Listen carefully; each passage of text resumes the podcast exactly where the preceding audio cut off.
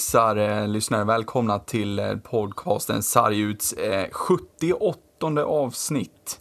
Klockan är 19.52 onsdagen den 2 mars. Och eh, Ryssland har varit i Ukraina i hela sex dagar. Det är en sjuk värld vi lever i, Marcus Berg.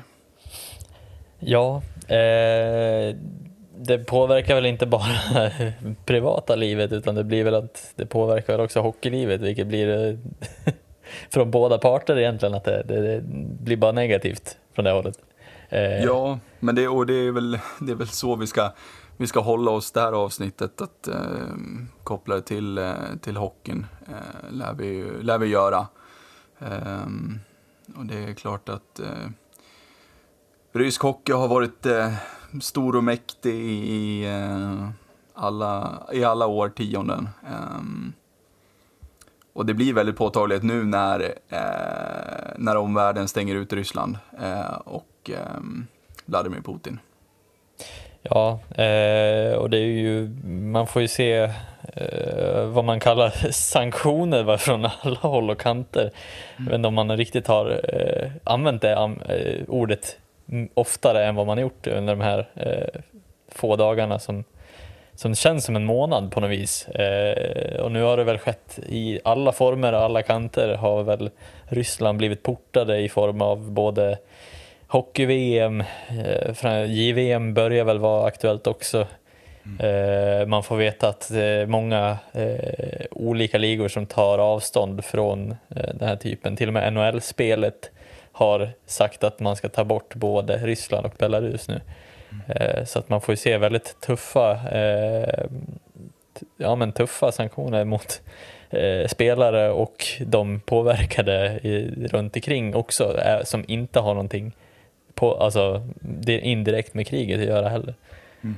Ja, nej, men, och det är ju intressant om man får säga så att eh, det är verkligen hela världen som tar avstånd från Ryssland. Eh,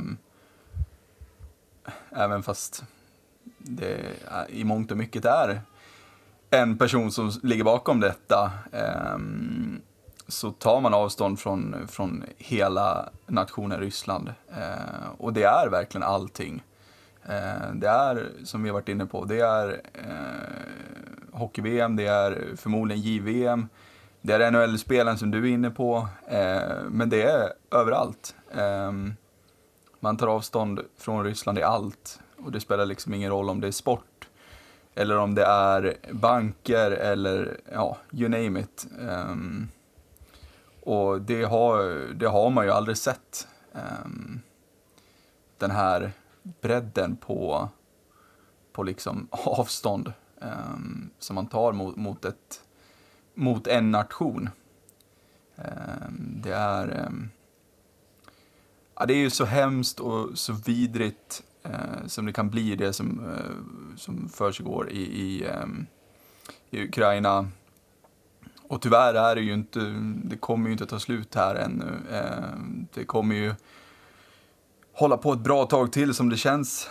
Ehm, och det är, ju, det är ju fina bilder man ser på, på sociala medier och, och på, på allt som har med Ukraina att göra, att det, det är sån uppslutning kring Ukraina.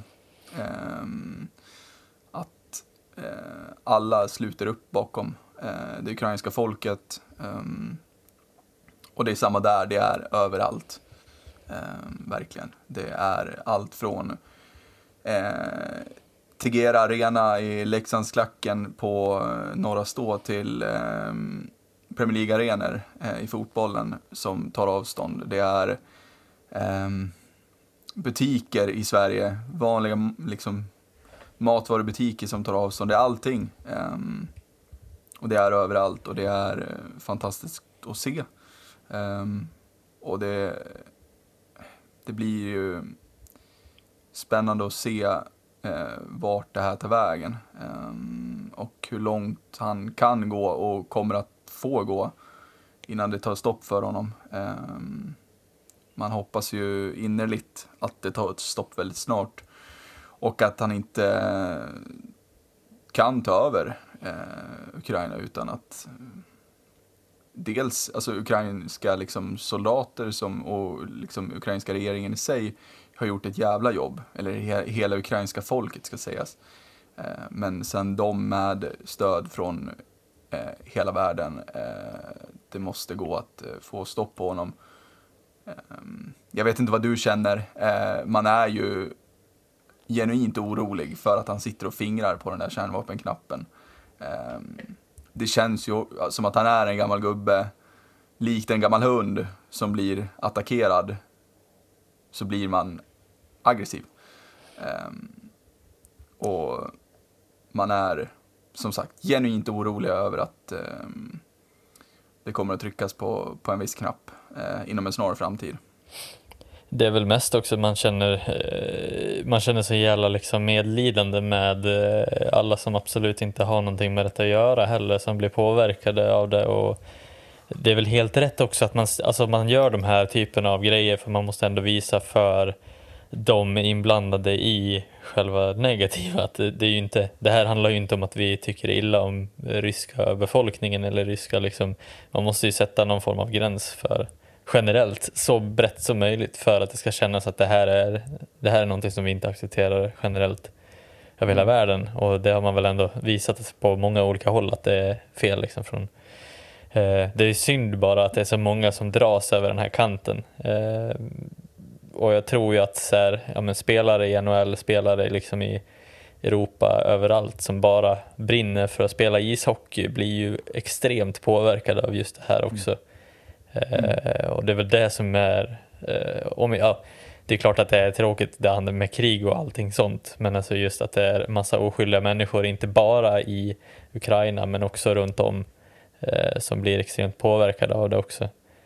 Eh. Ja, nej men det är ju så att det är ju många, många ryssar som, har, som hamnar i kläm i, i, den, i det kriget som är just nu. Eh, absolut.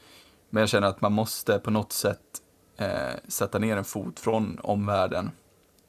Eh, och, och, ja men då måste man, man måste gå på, på Ryssland och, och man gå, måste gå på, på de ryska spelarna. Tyvärr. Men äh, tyvärr, men alltså, om du förstår vad jag menar. Som sagt, det är oskyldiga människor som är, som är från Ryssland. Eh, som hamnar i, i kläm. Sen är det klart, vissa av, av, av spelarna har ju absolut liksom visat sti, sitt stöd för Vladimir Putin. Men jag tror också att han har byggt upp ett så stort förtroende hos det ryska folket eh, genom alla år.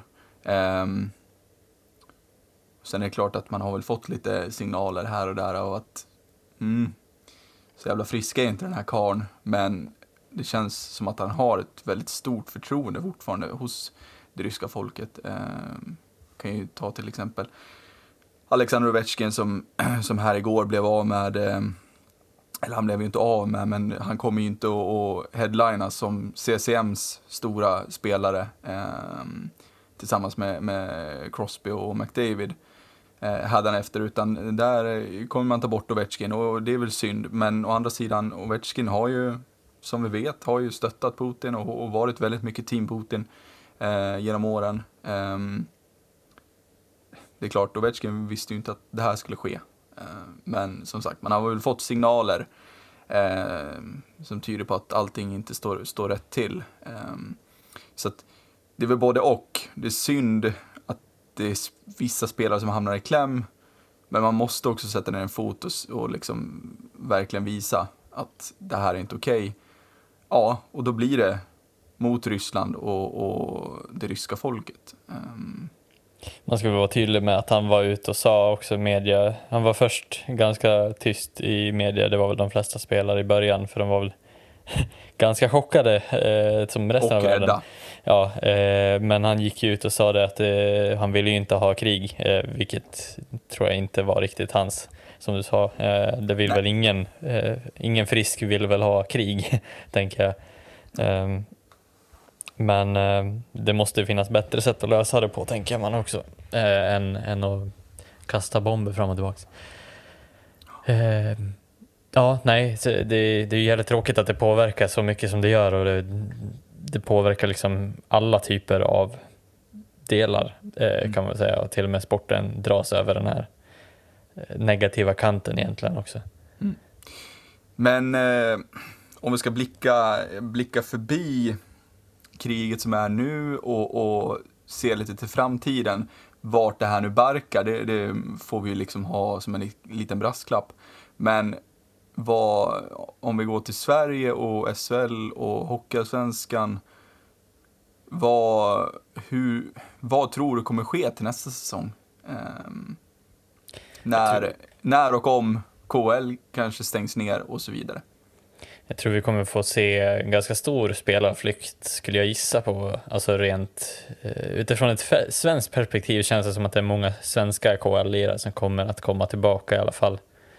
Eh, jag kan inte riktigt uttala mig hur, hur de andra eh, nationerna ställer sig till. Det kan ju vara spelarflykt från generell bild från KL, men att de ryska spelarna stannar kvar. Där tror jag att det kommer vara många ryska spelare kvar i den inhemska ligan fortfarande, men jag tror att Europa generellt kommer nog bli ganska bred när det kommer till hockeykompetens eh, ur ett spelarperspektiv skulle jag gissa på.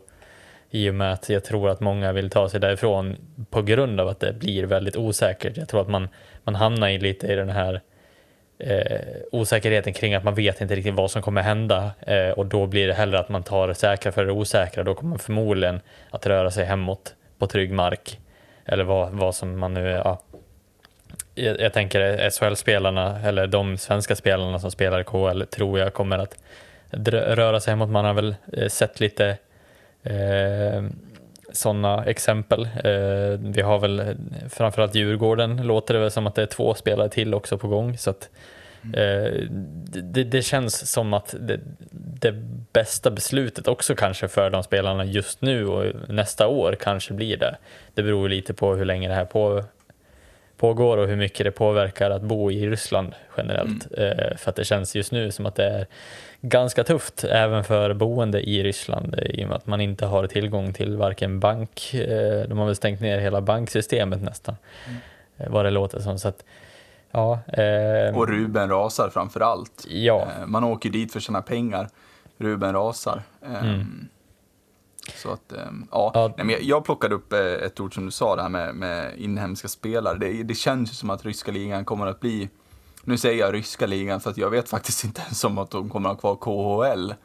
Eh, I och med att det står för Continental eh, Hockey League. Eh, så att jag säger ryska ligan. Jag tror att det kommer bli väldigt mycket inhemskt. Jag tror att, alltså, vem vill spela i Ryssland efter det här? Ja, ja, ja vi, såg ju, ja vi såg ju Jokerit dra sig ur det här slutspelet ja. som de var. Eh... Och Riga. Mm.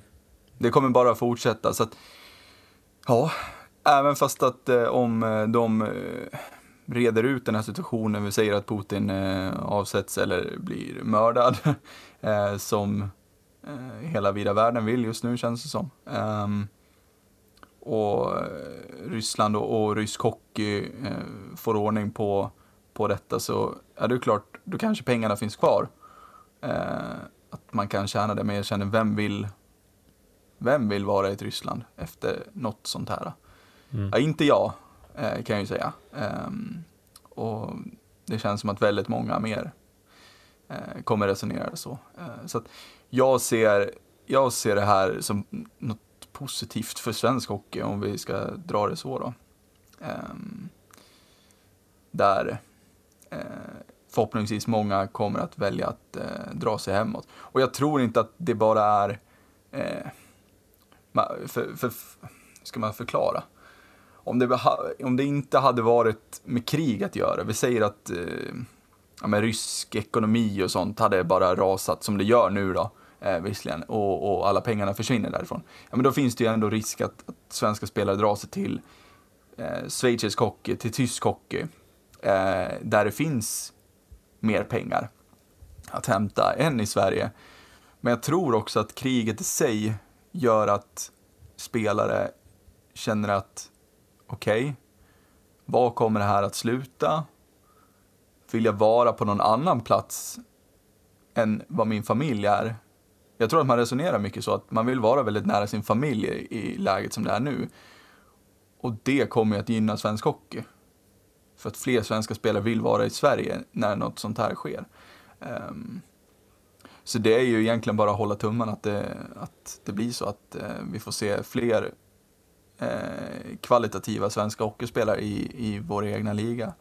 Um, och med det så kan vi ju, så kommer vi då ta upp tampen som, eller kampen om uh, att vara den näst bästa hockeyligan i världen.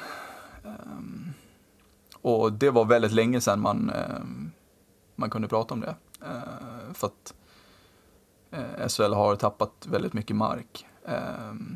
Och det är väl klart att ekonomin är det stora bekymret, men, men som det ser ut just nu i världen så, så tror jag nog att ekonomin spelar mindre roll för, för de svenska spelarna.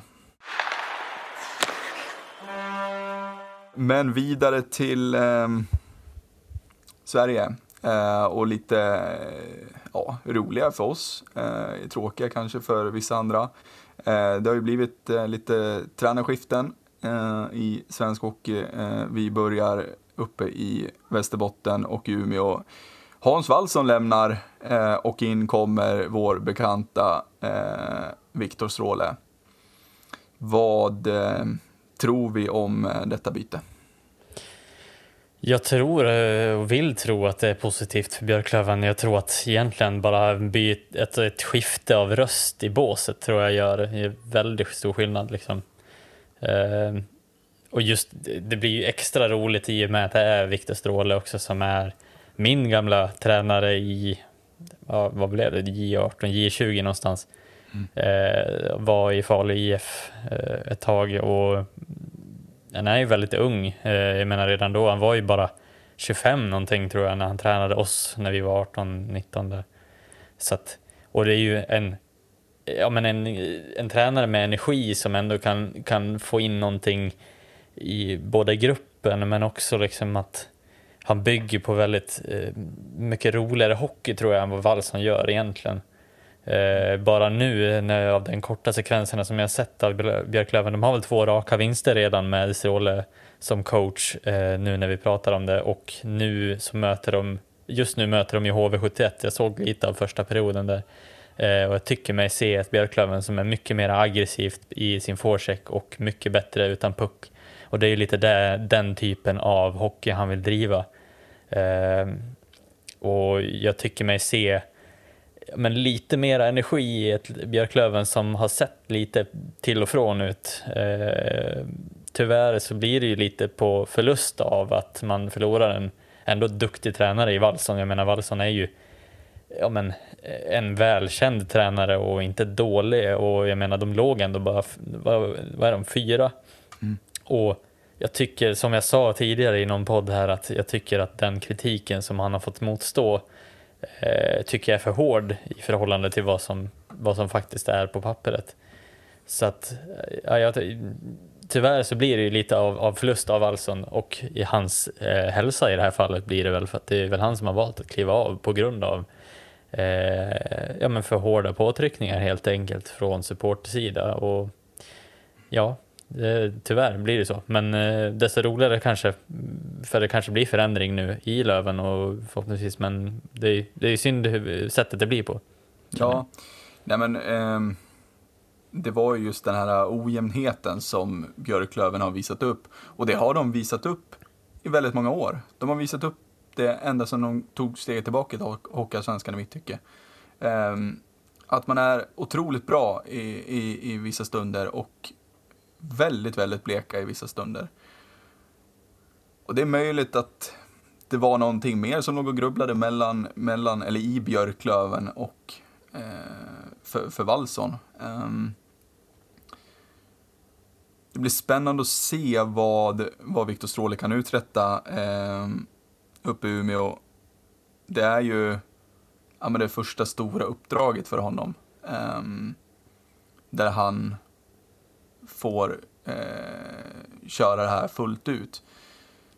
Han var ju som sagt i Malmö först, eh, efter han tog steget från, från Falun. Mm. Eh, I Malmö först och gick eh, led, leden där. Ehm, och sen till Pantern, eh, skötte allting där innan de la ner under säsongen, eller inför säsongen. Ehm, och fick börja om. Ehm, Och sen var det assisterande till Roger Rönnberg i Frölunda. Och sen var det assisterande senast till Peter Andersson i Brynäs. Han har suttit och, och ja, hämtat in pengar från Brynäs. Eh, och han kände att det här var rätt steg. Här får han huvudansvar. Första stora huvudansvaret. Eh, och det blev väldigt spännande att se.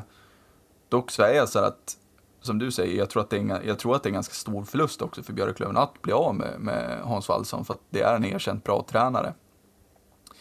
Um, och det känns som att han om någon borde kunna ha fått ordning på det här med ojämnheten i, i Björklöven. Um, och det är det som, ja men det blir ju spännande att se. Alltså, skulle Stråle lyckas göra, göra det här?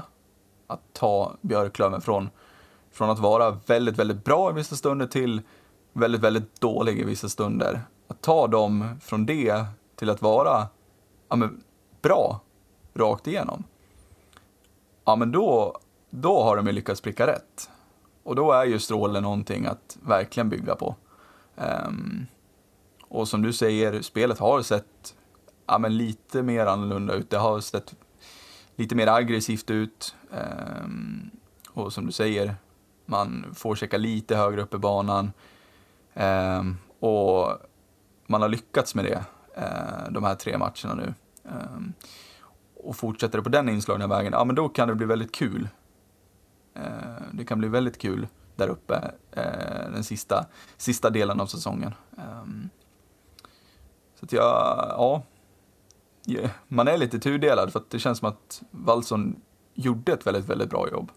Mm. Men att det är, som det är i vissa andra föreningar, någonting som sitter i väggarna.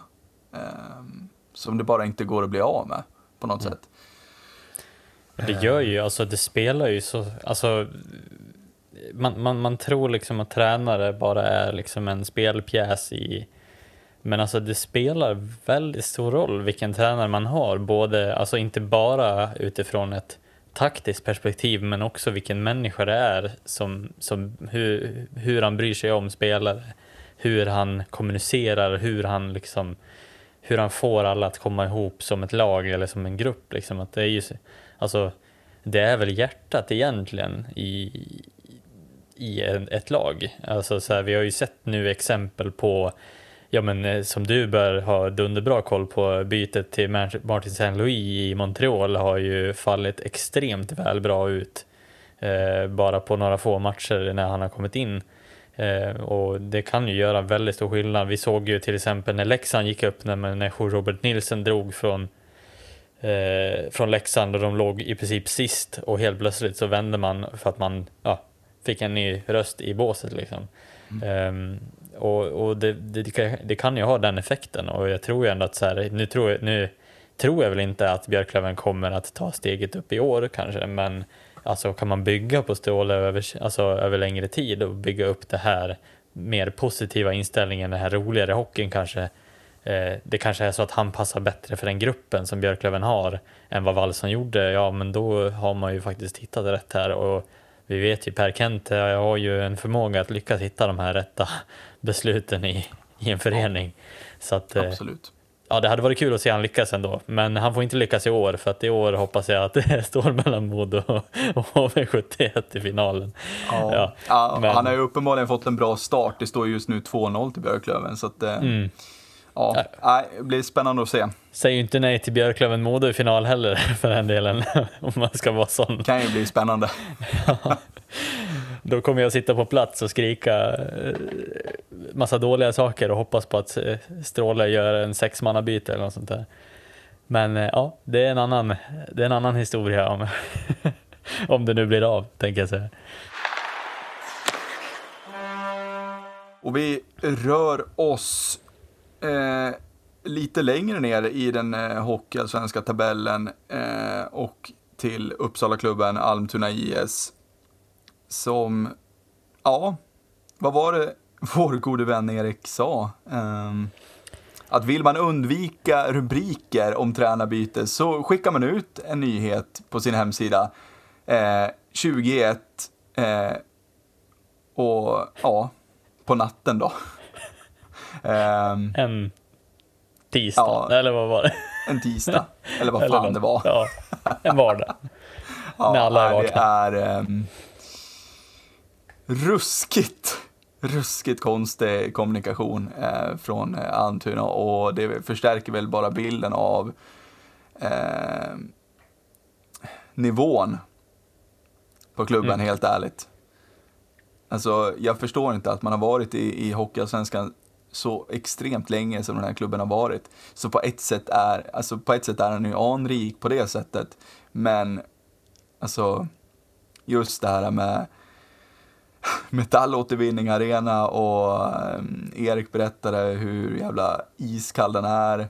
Um, och ja, det, det här liksom, det spädde bara på intrycket av Almtuna som, som ja men, en, en division 1-klubb. Alltså, arrangemanget kring klubben, känns det som.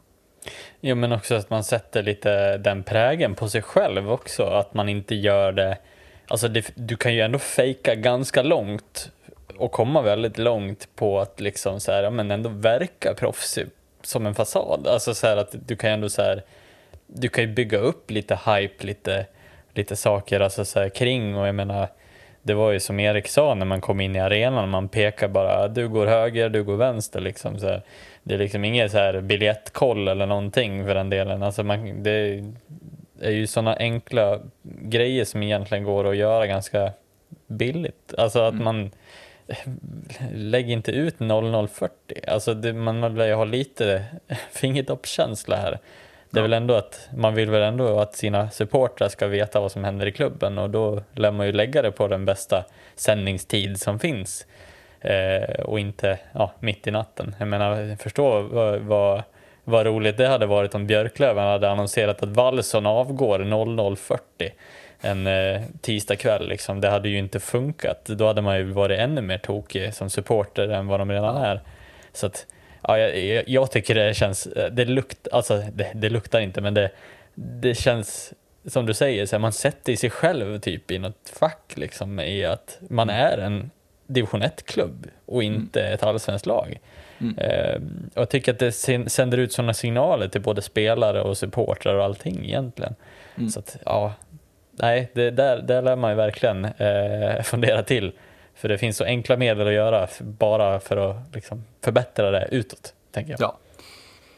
Eh, och vi kanske ska berätta vad, vad det har blivit för, för förändringar. Eh, det är ju Mattias Zachrisson och Daniel Kassestål som har blivit utskickade från, från laget. Eh, att de har blivit entledigad eh, sina uppdrag eh, i Almtuna. Eh, och in kommer J20-tränaren va? Eh, Jimmy Anderström eh, med sitt otroliga rufs eh, och ska försöka få ordning på det här. Eh, och eh, tillsammans med han så kliver eh, de både sportcheferna Björn Danielsson och Tony Mårtensson in i båset som assisterande. Ehm, Tony Mårtensson som första center. ja, spelande tränare, det hade ju varit något faktiskt. Det, det hade chockerat hela, ett, helt hockeysverige tror jag. Ja, Men eh, ja, det hade varit lite kul faktiskt. ja Men, eh, verk, verkligen. Nej men, eh, vad, vad, vad tror vi? Eh, vad, har vi på, vad har vi på Jimmy Andersson förutom det där otroligt röda eh, rufset som man brukar ha en, eh, en söndag morgon? Ja, nej, men det är väl en lösning, en billig lösning för att, för att få en förändring också kanske. Eh, man ville skapa någon form av liksom, ja men ändring i, med rösten i omklädningsrummet. Man har väl kanske sett att han har tillräckligt med kompetens för att stå i, i huvudbåset. Och ja, alltså, det, jag kan inte se någonting annat än att det skulle vara positivt egentligen, eh, jämfört med vad det har varit. Eh, Jag tycker Almtuna fortsätter att överraska över hur, hur bra och dålig man kan vara på samma säsong. Eh, Man har liksom aldrig satt någon, någon bra linje för jämnheten överlag. Det känns som att de alltid skjuter högt eller lågt. Mm, så att, eh, ja, nej, jag, jag vet inte. Jag, jag tror väl också att de där andra tränarna måste ju ha fått sparken på AWn eller någonting. Alltså, det känns ju Ja. det känns ju som sagt också så här, ja men J20-tränaren hoppar in, då har man ju, ja, jag vet inte om det är en, någonting som har hänt eller om det är liksom, ja. Ja, det blir, ju, det blir ju spännande. Jag vet faktiskt inte vad vi ska säga något mer. eh, I och med att vi har ju väldigt lite att gå på, på Jimmy Anderström. Ehm, Vad, vad vill folk att vi ska säga om det? Ja, det var vi- mer anmärkningsvärt. De gjorde det mer anmärkningsvärt än vad det behövde precis. vara. Ja, det egentligen. mest anmärkningsvärda, det var ju liksom när man skickade ut det. Så att, och det har vi, har vi redan eh, pratat om. Eh, så att, ehm, ja. Spännande att se vad, vad eh, Jimmy Rufset Anderström eh, kan hitta på. Och vi rör oss en serie upp. Och Mm. till Liga 8, Färjestad BK. Liga 8, det hade man inte förväntat sig att säga eh, så här Nej. långt in i, i Och serien. minus två i målskillnad.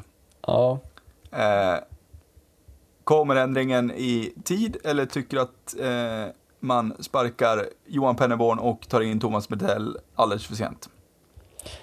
Uh, jag tycker att det är alldeles för sent egentligen. Jag tror att det handlar bara om vem det är som, vad, vad personen heter i båset. Uh, jag tror att det här var lite av eh, en nödlösning på slutet. Jag tycker att man skulle ha gått för eh, förändring mycket tidigare. Jag tyckte man såg tendensen redan i höstas. Att det här är någonting som felar på något annat än eh, spelarmaterial egentligen. Um, sen är det väl också så här, det är ju ett ansvar på, på sportchef också. Jag menar det är ju som vi har sagt, man har väl byggt det här laget på fel sätt. Man har ju byggt det med med för många kockar helt enkelt. Man har ju bredare centersida än vad Kanada hade ställt upp med i OS som NHL hade. Nej men alltså, så det känns lite som att det är det, det känns som att de har så jäkla mycket spets. Eh, och det bör ju inte, även om det hade varit en sämre säsong så tycker jag inte att det skulle ha gått så här dåligt som det har gjort.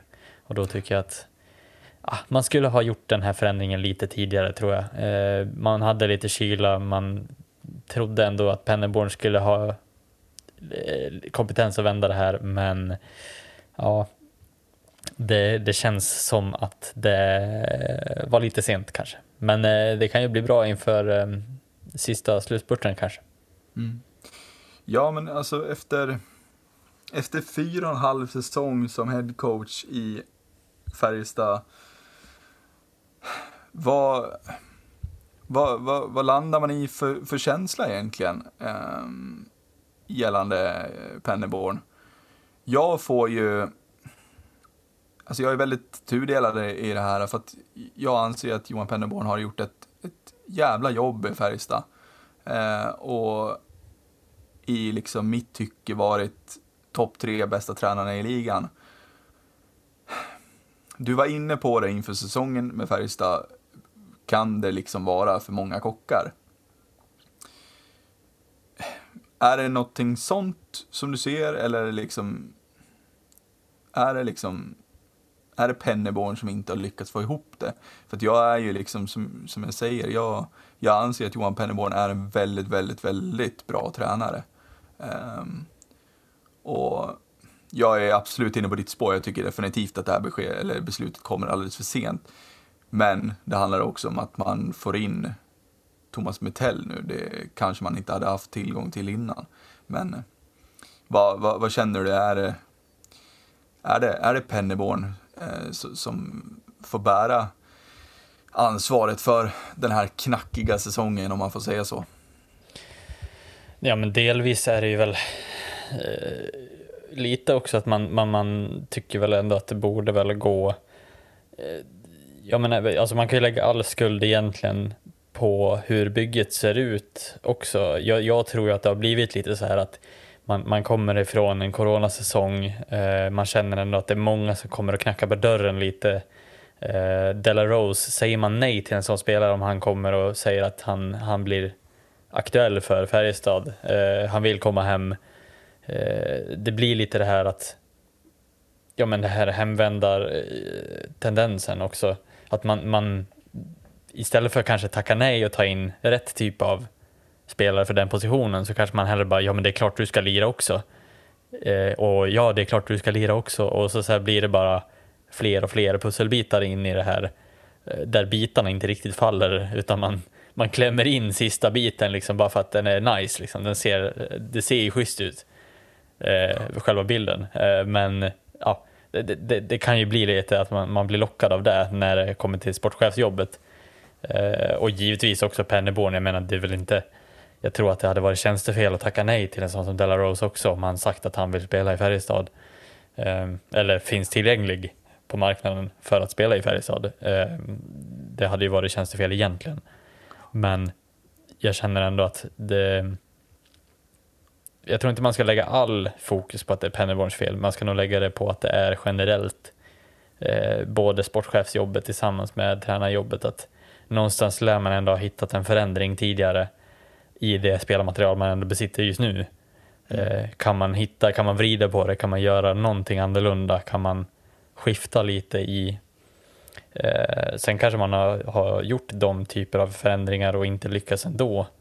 Sen har man ju haft lite knackigt fram och tillbaka med att man hela tiden måste ha skickat de där spelarna till eh, ja, men fram, till OS också framförallt och så sen är det ju till olika landslagsturneringar och så vidare. Så att, ja, jag vet inte vad, vad som vem som egentligen ska bära ansvaret för det, men jag tycker som sagt att det, det, skulle ha skett mycket tidigare, den här förändringen, bara för att, inte för att Pennerborn är en dålig tränare, utan mer för att få förändringen i laget, för att man uppenbarligen inte lyckas med någonting annat.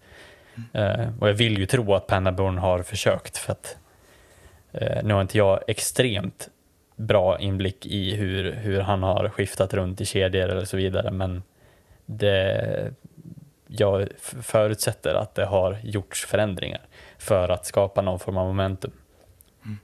Ja, nej men alltså där är vi väl...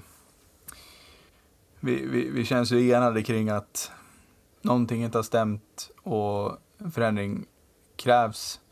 Eller vad liksom, det behövdes en förändring. Eh, och det vanligaste man gör är att byta röst i båset. Um, jag hade ju jag hade ju önskat att det hade kommit lite tidigare för då kanske vi hade stått eh, med Johan Penneborn eh, istället för Joakim Fagervall. Nu blir det ju svårt att säga så i, kanske då, i och med att Fagervall har gjort ett sånt jävla hästjobb som han har gjort i Djurgården hittills. Eh, och det ser i mångt och mycket väldigt, väldigt, väldigt bra ut just nu. Ehm, så att, ja, nej, Penneborn låg ju väldigt högt på min önskelista eh, under säsongen här, men eh, man får väl tänka om lite då. Eh, och det blir ju spännande att se vad, vad Penneborn tar vägen efter det här faktiskt. Ehm, för som sagt, det är en eh, erfaren och, och, väldigt bra tränare. Ehm, som Absolut. Alltså det är ju, jag kan ju känna att det är väldigt, väldigt sällan sådana här extremt bra tränare ligger ute på marknaden och inte har någonting att göra. Så att här sitter ju nog många sportchefer och dreglar. Eh, det är ju mitt, ja, det är ja. min, uppfattning så att säga. Eh, har vi något lag? Är det Malmö?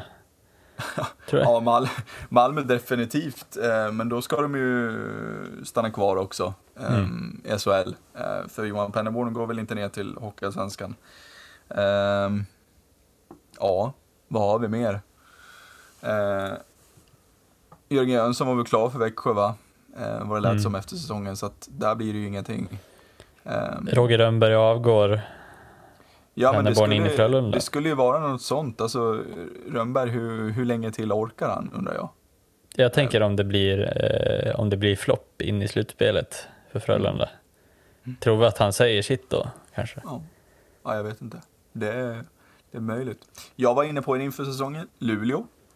Bulan mm. Berglund, mm. hur länge sitter han kvar? Eh, Luleå ser ut att bli väldigt farliga, eh, men mm. lyckas man var inne på det, det är nästan så att ett SM-guld som krävs. Mm. Eh, det är min fasta övertygelse. Mm. Um, och tar man inte det, ja vad hände med Bulan Berglund då? Eh, han likt eh, som Fagervall gjorde, signade, signade inte Bulan ett nytt kontrakt va? Jag har för mig att han gjorde det. Ja, det kan ha väldigt fel. Kanske. Det kan ha varit rykten också. Eh, men, jag tycker också jag har sett eller hört någonting om det. Men... Ja, så Luleå finns väl absolut med i beräkningen där. Eh, mm.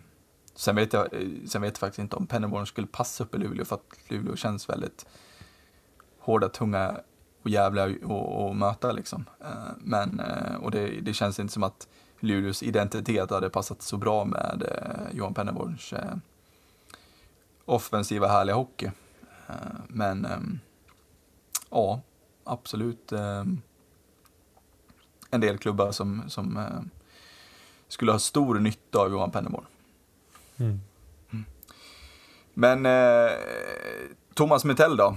Eh, vad, eh, vad, vad, tror vi?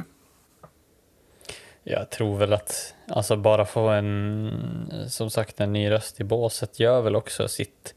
Eh, det kan ju förmodligen ge lite boost första matcherna och sen är det väl upp till bevis då över men man kliver ju då nästan, alltså man kliver ju snart på ett slutspel liksom som eh, om ingenting oväntat händer men eh, jag tror väl att det blir lite upp till bevis där om, om det är en tränare att spela på längre tid eller inte. Eh, och då tänker jag väl att det är ju liksom, ja, han har ju rätt kort tid på sig att förbereda och sen eh, framförallt kliva in i ett slutspel och, och, få ett bra resultat. Jag tror inte att det handlar om att Färjestad ska vinna nu, utan det mer handlar om att göra ett bra resultat, ta sig längre än eh, ja, men längre än kvartsfinal. Då, då tror jag att det kan vara så att Mitell kommer att stanna över längre tid. Mm. Eh, sen är det ingenting som talar emot egentligen rent eh, alltså lagmässigt. Att jag menar, de har ju, de har ju kapacitet. Och det är ingenting som säger att ja, de kommer att spela likadant, lika dåligt nu. Eh, det kan ju vara så att de hittar en lösning på, jag menar de har ju väldigt, väldigt bredd egentligen, så hittar de bara rätt typ av spel eh, in i slutspelet så tror jag att de kan. Det känns dumt att säga överraska också, för att de har ju ett brett lag, men det är väl bara att de har fel, eh, byggt det på fel sätt lite kanske. Mm. Ehm, men som sagt, jag, jag, jag tror ju så här, jag menar man har ju ändå väldigt bra kapital in i ett slutspel, eh, bara man använder pjäserna på rätt sätt. Och jag menar, det ju, gäller väl samma med Luleå också, men jag tycker att det är så jävla hård konkurrens när man kollar på de andra lagen runt omkring också, mm. eh, som man ska möta. Så det är väldigt, det, det kommer bli liksom riktigt tufft in i, jag menar nu kommer ju också Djurgården underifrån som du sa, jag menar det är åtta poäng helt plötsligt upp till, upp till slutspel. Eh, så att, ja, nej, det, det blir otroligt intressant slutspel oavsett vilka lag som kommer med i det där, för att det känns som att det är väldigt jämna trupper på något mm. vis. Ja. Nej, men eh, jag får säga mitt om, om, om Mitell så tror jag att det här är eh, riktigt bra, ja. Eh, för Färjestad. Det är ju liksom eh, ung, han är, ska fylla 42 mm. och redan varit två och en halv säsong assisterande coach i eh, NHL och Chicago Blackhawks. Um, hoppas inte han har fått lärt sig något dumt där bara. Mm. uh, men uh, är, ju, är, ju en, uh, men, är ju en erfaren coach trots sin ringa ålder om man får säga så. Uh, och var 42.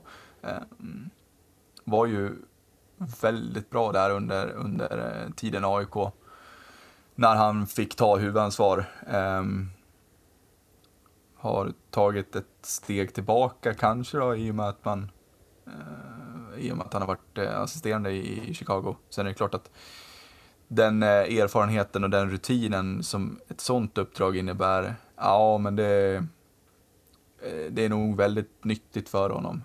och sen komma tillbaka och ta det här stora, mäktiga Färjestad eh, och leda dem som huvudtränare tror jag är, eh, jag tror att det är en match made in heaven. Ehm, jag, jag, jag, tror att Färjestad kan bli väldigt farliga och i ett slutspel. Ehm, det är möjligt att det kan ta lite, lite tid innan det verkligen sitter, innan det verkligen klaffar, men, men Eh, Eh, jag tycker definitivt att man ska se det här som en eh, satsning för lång tid eh, framöver. Ehm, och jag menar, det är klart, gör han det bra, ja men vad säger då, vad, eller vad talar då emot att han skulle dra vidare på, på något annat äventyr eh, och få eh, lika stora uppgifter som han har haft de senaste tre åren eh, borta i Nordamerika. Eh, bara en sån sak talar ju väldigt mycket för, alltså det är ju, det är ju, det är ju väldigt bra på CV att ha. Att man har varit i en NHL-organisation.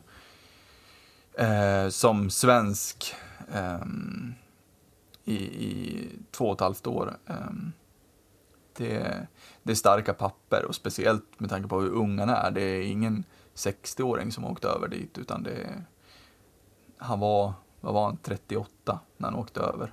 Um, och fick stå där tillsammans med Jeremy Colleton och ja, det, det, det är starka papper. Eh, så att, eh, jag tror ju att Thomas Mittell kommer vara väldigt, väldigt bra. Ehm, och det känns som att som att Färjestad har gått från en väldigt, väldigt bra coach till en framtida väldigt, väldigt bra coach. Ehm, och jag, jag, jag, skulle bli förvånad faktiskt om, speciellt med, med det laget Färjestad har nu, eh, och sen kanske bygga om det lite med den starka liksom, grund som finns, det som sitter i väggarna i Karlstad. Jag tror att eh, Thomas Mitell absolut kan ro hem ett, ett ett guld till till Färjestad inom de närmsta eh, tre, fyra åren helt klart. Mm. Ja, får hoppas. Hoppas att de eh, vinner nu då. Nej. Så man får rätt. Ja, precis. Nej, nej Färjestad, det, det, de håller man aldrig på, men, men um, det blir farligt. Det blir det. Det blir det. Ja. Ja, nej men... Eh, ja, var vi klara där eller hade vi någonting mer? Ja, det är väl hur mycket du orkar prata om eh, det bortdömda målet som Luleå får i sista sekunderna mot, mot Björklöven, eller på att säga, mot Djurgården. Ja, nej men eh, vi kan väl... Eh... Vi kan spara till nästa vecka annars, men det... Ja, nej, alltså jag, ja. jag förstår, jag såg, jag, eller jag förstår, jag såg i efterhand att, eh, vad som hände egentligen. Eh, att han touchade masken där mm. i efterhand. Men jag är fortfarande det här, jag vill ju, jag vill ju gå in och peta det här. Jag vill, jag vill ju. Om ni har sett Kaskisuos bortdömda, eller det, det som blev mål när Kaskisuo stod. Då kör väl, Färjestad-killen på hans plockhandske va? Mm. Eller hur? Mm. I det här fallet så kör Luleå-spelaren förbi och fastnar väl i typ plast, eller han har klubban för att styra och fastnar i plastbiten på masken va, på målet. Någonting ja, jag vet inte vart den fastnar på Armalis, men det är ju, det är ju masken och det är, ja. ja. Jag, jag har ju en liten take på det här. Jag, jag köper ju inte, jag köper inte ditt resonemang att så här, okej, okay, eller alltså det som Färjestad gör blir mål. Um, och det som Luleå gör nu blir inte mål. Eh, och att du tycker att de är ganska lika. Jag tycker ju inte det, men jag har ju en liten take på det här att det, kommer du ihåg vad jag pratade om då angående Kaskiso? Uh, att, nej, inte nej, Att Färjestad, jag vet inte vem det nu är som åker på honom, om det var Linus Johansson eller vem det var. Han åker på Kaskiso, Kaskisos plockhandske Eh, och, och Kaskiso eh, har ju liksom plockhandsken utanför målgården och det är ju ganska tydliga regler att stör man ut eller åker man på eh, utanför målgården så måste det eh, liksom vara eh, i liksom, ja, det måste ju vara en utvisning för att målet ska kunna dömas bort. Luleås mål igår, eller bortdömda mål igår. Det är väl Omark va? Eller Kinnimin? Jag tror att det är Omark. Omarka, som fastnar i Armalis mask med klubban. Eh, också utanför eh, målgården. Här hänvisar ju vad jag såg idag, att SHL hänvisar ju till att det här är i målgården. Jag tycker inte att det är i målgården, men det är, ja, det är vad jag tycker. Eh, och om det är som jag tycker, att det inte är i målgården utan det är utanför, ja men då ska ju det här vara bortdömt mål och utvisning. Det måste kunna bli utvisning för hög klubba i det här fallet jag vet inte, blir man, blir man lite för ehm, eh, rädd här att det, alltså det som händer innan också, att Djurgårdens 3-2 mål ens blir mål, ja men det är ju faktiskt sjukt att man missar den trippingen som, som eh, Paul Carey gör. Um, för att den är, den är väldigt solklar. Um, Mm. Så där ska det ju inte vara mål. Eh, så är det. Och det blir ramaskri eh, uppe i, i eh, Coop Norrbotten. Ehm, och det här kommer. Jag, jag känner så här, vågar man inte gå in och, och ta eh, två minuter på Linus Omark här, bara för det här eh, som har skett innan. För att det är ju så att du kan ju inte ta bort ett mål. Alltså, om det ska dömas bort när man är utanför målgården, ja då måste det vara en utvisning. Mm. Alltså det måste ju vara i liksom, det är ju så att, det, det är ju så det är sagt, det måste ju, alltså, det, för att ta bort det så måste det, det måste vara i liksom, nu har jag tappat helt ordet, men det måste kunna generera, en- eller det måste kunna generera en utvisning. Mm. Eh, att åker du på benet, eh, målvaktens benskydd och det är utanför eh, och målvakten ramlar, ja men då har vi en tripping och bortdömt mål. Om det skulle bli ett målskott till exempel. Då. Eh, I det här fallet så fastnar ju Omarks klubba uppe i, i masken på Armali så drar ju nästan av masken. Det måste ju vara en hög klubba. Så i det här fallet så känns det som att, ja men, det, det är solklart att det ska vara bortdömt, eh, tycker jag. Men det måste ju bli utvisning också. Mm. Här, Hade, hade Armali stått i målgården, alltså att det hade, hade skett i målgården, ja men då, då är det ju bara att vifta av. Mm. Då, då är det inte att göra så mycket, men alltså det är ju ganska tydligt, du måste ju liksom, det måste vara i paritet, nu fick jag fram ordet, det måste vara i paritet med en utvisning för att du ska kunna ta bort målet om det är utanför målgården. Armales befinner sig utan, utanför målgården med masken. Ja, då måste det ju bli, det måste ju vara i paritet med en utvisning då. Och dra av masken är ju så mycket högklubbar det kan bli kan jag känna. Så att, ja, jag vet inte. mm. Luleå-fansen eh, kanske mm, skulle vara lite mer nöjda kanske då. ja. Att, eh, Ja, alltså här, för här, eh, det var ju, det är ju precis det här, det var inte det att jag tycker att det är mål eller inte. Alltså så här, det var mer, nu är vi tillbaks till det här som jag nämnde kring Kaskisuo. Eh, om du kommer ihåg det också. Det var ju inte att det var fel i form av att det som gjordes är fel så, utan det är mer vad är det regelboken säger. ja, Alltså, nu är vi Jo. tillbaks till det här, relevant kontakt. ja, jo, jo, Vad är relevant kontakt här? jo, jo. Men, Det är, alltså, det är det som är så jävla, för jag menar plocken i sig är ju minst lika relevant som hjälmen i det här fallet. ja, kan jag jo, jo, tycka. absolut. Eh, och det är ju som, som situationsrummet beskrev det också, efter videobedömning så framgick det att anfallets spelare hindrade målvakten i målområdet, därav ej mål som du sa också. Detta enligt regel 69,3, interference on the goalkeeper, kontakt inne i målområdet. Bedömde de bort det här på. Kan du, kan du ha med det här? Så jag kände att vi kanske borde avrunda lite, men kan du ha med här till nästa, till nästa podd? Eh, så vi kanske vill få med Erik också. Och så kan du ha kollat på det här målet eh, och säga till mig att det här var i målgården. Nej, för jag, jag har sett en bild också att han är ju inte han är ju inte i målgården om man ska jämföra med den bild som vi fick se på Kaskisu också när han står på linjen igen och är utanför med huvudet så här. Precis som Kaskisu var med plocken och då bedömde man ju att Kaskisu var utanför målområdet. Det här bed- bedömer man är i målområdet. Ja. Så det är exakt samma, Ja. exakt samma overview-bild på det.